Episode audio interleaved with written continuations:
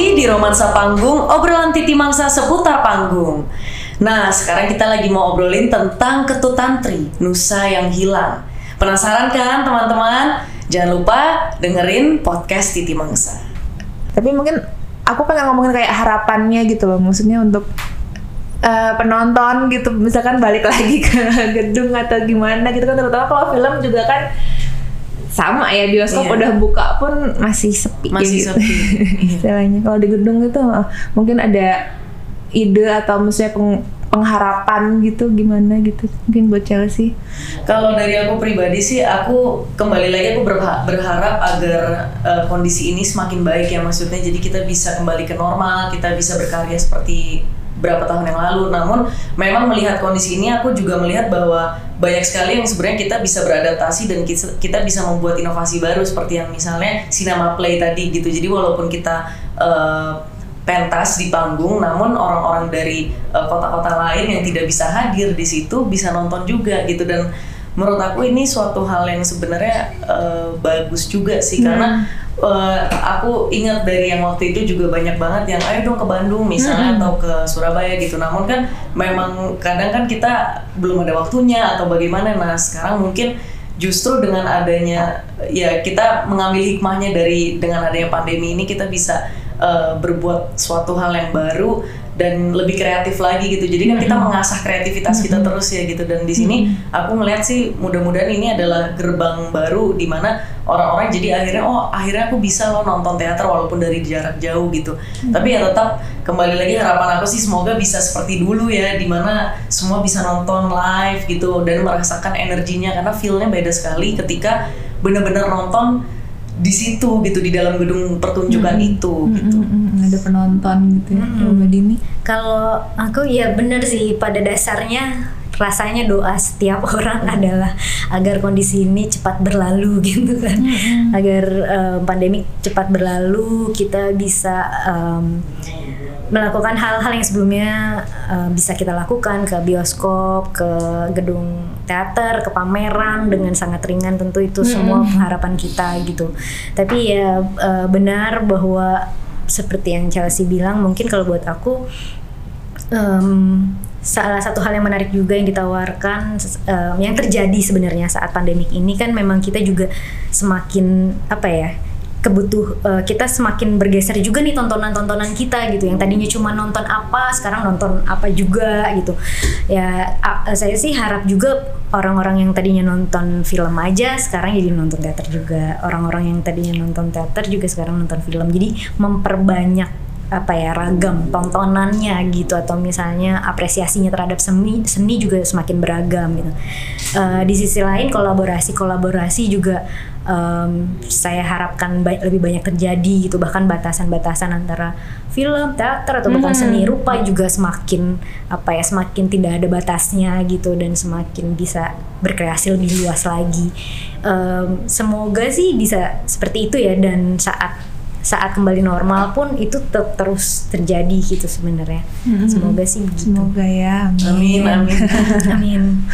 Nah, terus aku mau nanya kan kalau Chelsea udah berapa kali di panggung, Mbak Dini juga kan walaupun uh, lebih sering di film tapi pasti juga dari dulu juga hidupnya ada di panggung gitu kan Mbak sebenarnya. Apa coba yang bikin nggak bisa lepas dari panggung yang bikin ah pengen balik lagi, gue kangen gitu.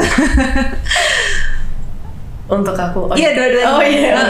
Eh, jujur waktu itu sih aku ngerasa pokoknya yang bikin kangen itu justru di selesainya akhirnya maksudnya di setiap kita setel- selesai pentas di akhirnya itu pasti sedih mau nangis gitu kayak ah udah selesai semuanya kayak berlalu begitu saja gitu terus setelah itu ya aku mau pentas lagi gitu padahal itu baru selesai masih di situ gitu dan kadang eh, sebenarnya rasa deg-degannya itu sih. Maksudnya rasa aduh feel-nya tuh beda banget. Ibaratnya kayak aku suka merasa bahwa di atas panggung itu kayak ada uh, mistis kayak ada magicnya gitu ya. Kayak ada suatu hal. Iya kayak wah bener-bener kayak di dunia yang berbeda gitu. Dan di situ bener-bener kita merasa menjadi si karakter itu benar-benar uh, menyatu dengan panggung, dengan, Dengan set, ruang, ya. dengan ruangnya, musiknya, lighting, semua propsnya itu luar biasa banget sih. Dan itu hanya hanya bisa dirasakan di situ gitu. Ketika udah di luar itu udah beda Dan lagi. saat itu aja kadang Iya. durasi dua jam, kadang sejam, kadang cuma 30 menit. Iya. Selesai, selesai gitu. Iya. deg-degan tapi nagih ya cewek. Iya, iya.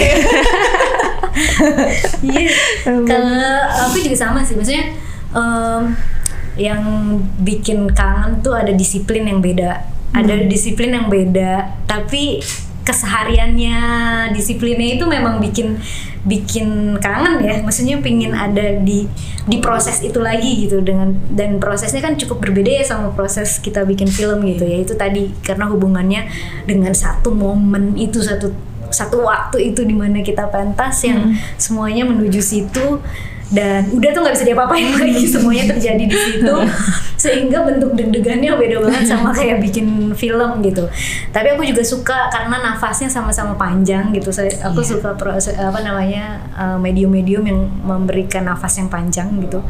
Um, dan yang paling yang paling mungkin bikin nagih itu um, kalau aku karena ya di film itu kan walaupun sebenarnya setelah selesai syuting ada proses lagi post production dan lain-lain tapi begitu rilis itu kan em, udah ya nggak bisa diapa-apain lagi tuh. Begitu rilis ya udah aku harus menerima semua dosa-dosa terpampang nyata setiap kali menonton gitu kan. Em, tapi ternyata begitu bikin bikin panggung gitu pentas gitu wah masih bisa direvisi buat pementasan besok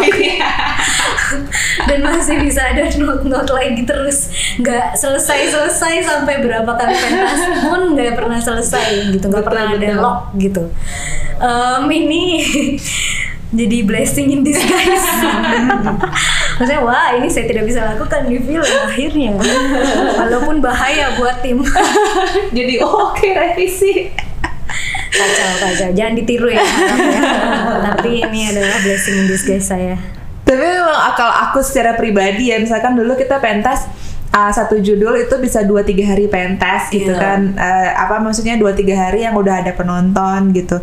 Aku pun secara pribadi ya mbak ya paling suka tuh pentas di hari terakhir Maksudnya entah kenapa, entah kenapa pentas hari terakhir itu yang disuguhkan tuh kayak semuanya maksimal aja gitu dari segi teknis, artistik, dari segi pemeranan itu semuanya tuh mungkin karena merasa ih kapan lagi nih kalau gua nggak hari ini udah kelar nih nggak ada lagi waktunya ya. Jadi kayak semua all out dan maksimal kalau aku ya. dan dan sudah semakin relax sudah karena Udah, udah, tahu oh. gitu mungkin kan kan dengan kayak production days yang sebentar gitu kan di hari-hari pertama kita sebenarnya masih Nyari. masih nyari masih Mm-mm. terus um, benerin ini itu Mm-mm, gitu kan ya memang bener di hari terakhir tuh udah kita nikmatin aja Udah, uh, whatever happens happens ya gitu. Iya, The show must go on.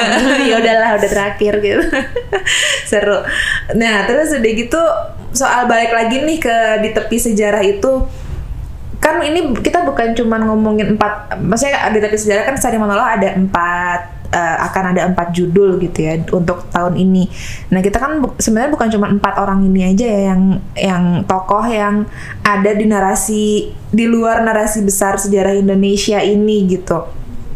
Nah harapannya maksudnya untuk em, di tepi sejarah ini bisa sampai mana sih gitu? Maksudnya kita kan juga nggak nggak ada nggak ada tujuan muluk ya. Maksudnya nggak juga mau bikin mereka jadi gimana gitu. Tapi kita cuma lebih untuk bercerita bahwa ada eh, orang lain loh yang yang juga ada sebenarnya di sejarah Indonesia gitu tapi kita nggak banyak tahu dan kita membicarakan orang yang pernah hidup semuanya gitu kan ya nah, untuk nantinya gitu maksudnya untuk ke depannya gitu si monolog di tepi eh, si seri monolog di tepi sejarah ini harapannya agar sampai mana gitu heeh.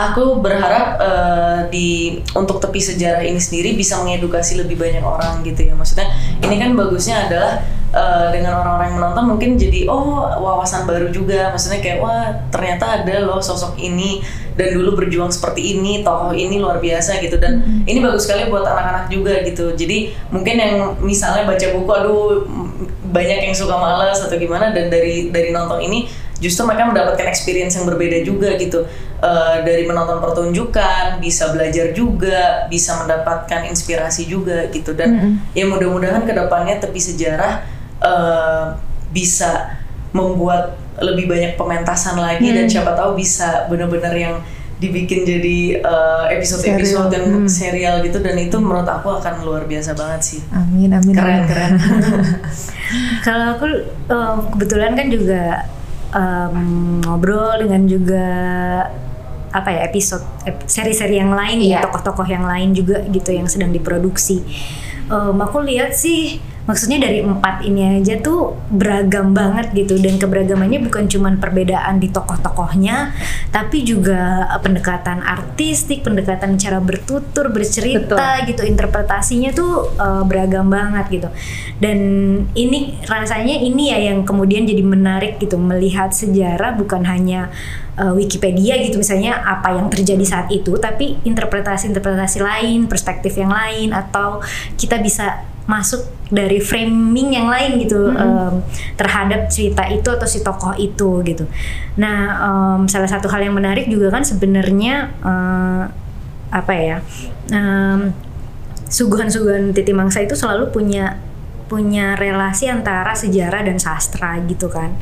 Em, dan ini ini juga menarik karena kita nggak cuma lihat sejarah tapi juga kita melihat em, seni gitu melihat kesusastraan Indonesia juga gitu nah rasanya sih ke depannya eh, harusnya sih diteruskan ya gitu Eh, bahkan mungkin em, ya tidak hanya tokoh di tepian sejarah tuh kan kalau misalnya tadi ada relasinya sejarah dengan perjuangan bisa juga sejarah dengan hal-hal yang lain juga gitu bisa Iya. sejarah dengan seni Iya. sejarah dengan uh, sastra musik apa segala macam seni rupa atau apa pun gitu Em, itu juga sejarah gitu.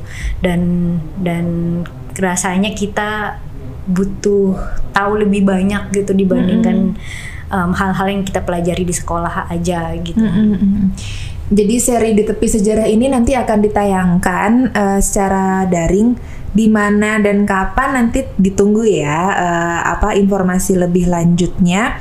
Kita eh, ada empat judul monolog untuk seri eh, episode apa sorry seri musim ini ada empat sutradara yang berbeda empat tokoh yang berbeda empat naskah yang berbeda nanti akan dita- akan diinformasikan uh, lebih lanjut untuk tayang di mana dan kapan. Nah, aku mau terakhir kali ya. Boleh, mau ini sih, mau apa namanya? Kan Chelsea udah latihan udah lama pasti udah hafal ya. Udah dong, untung seminggu lagi masuk gedung. Aku mau ada potongan dialog lah dikit lah gitu. Boleh, Ketut tantri ya kan. Nah, silakan. yang mana yang mana mungkin eh, ending kali ya bagian terakhir nggak apa-apa ya Boleh, boleh. Boleh. Tapi kematianmu mengingatkanku pada sebuah pohon indah yang tumbuh di tanah gersang. Pohon dalam semua mimpi tentang dunia manusia yang tenang dan damai. Dan aku kembali mendengar suara temu itu. Tring, tring, tring. Oke. Yeay. penasaran nggak Penasaran nggak? Aku aja penasaran loh. Padahal tiap tiap hari nonton aku.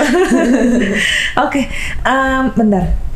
Em, mungkin kalau misalkan teman-teman ada yang dengar di back di background kita ada suara-suara yang lagi dialog gitu ya, jangan kaget karena memang kita produksi ini latihannya sungguh sangat intens tiap hari dari pagi sampai malam karena ada empat judul jadi eh, suara-suara itu adalah suara-suara pemain judul lain pemain judul lain yang sedang latihan di kantor Titi Mangsa gitu. Jadi eh, mohon maaf kalau ada backsound backsound yang mungkin agak mengganggu ya.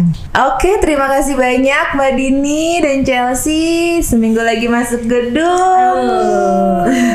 Semoga nggak semoga nggak mules semoga bisa tidur tetap ya. Amin. semoga lancar. Semoga mohon lancar. doanya, mohon doanya. Amin. Semoga lancar sampai nanti hari H Amin, amin. dan sampai nanti tayang Amin. untuk eh, ditonton sama semua orang sebanyak-banyaknya orang. Terima kasih. Terima kasih Terima Chelsea, kasih. terima kasih Mbak Dini, terima kasih teman-teman yang sudah mendengar podcast Titi Mangsa, romansa panggung, obrolan Titi Mangsa seputar panggung. Sampai ketemu lagi, dadah. Dah.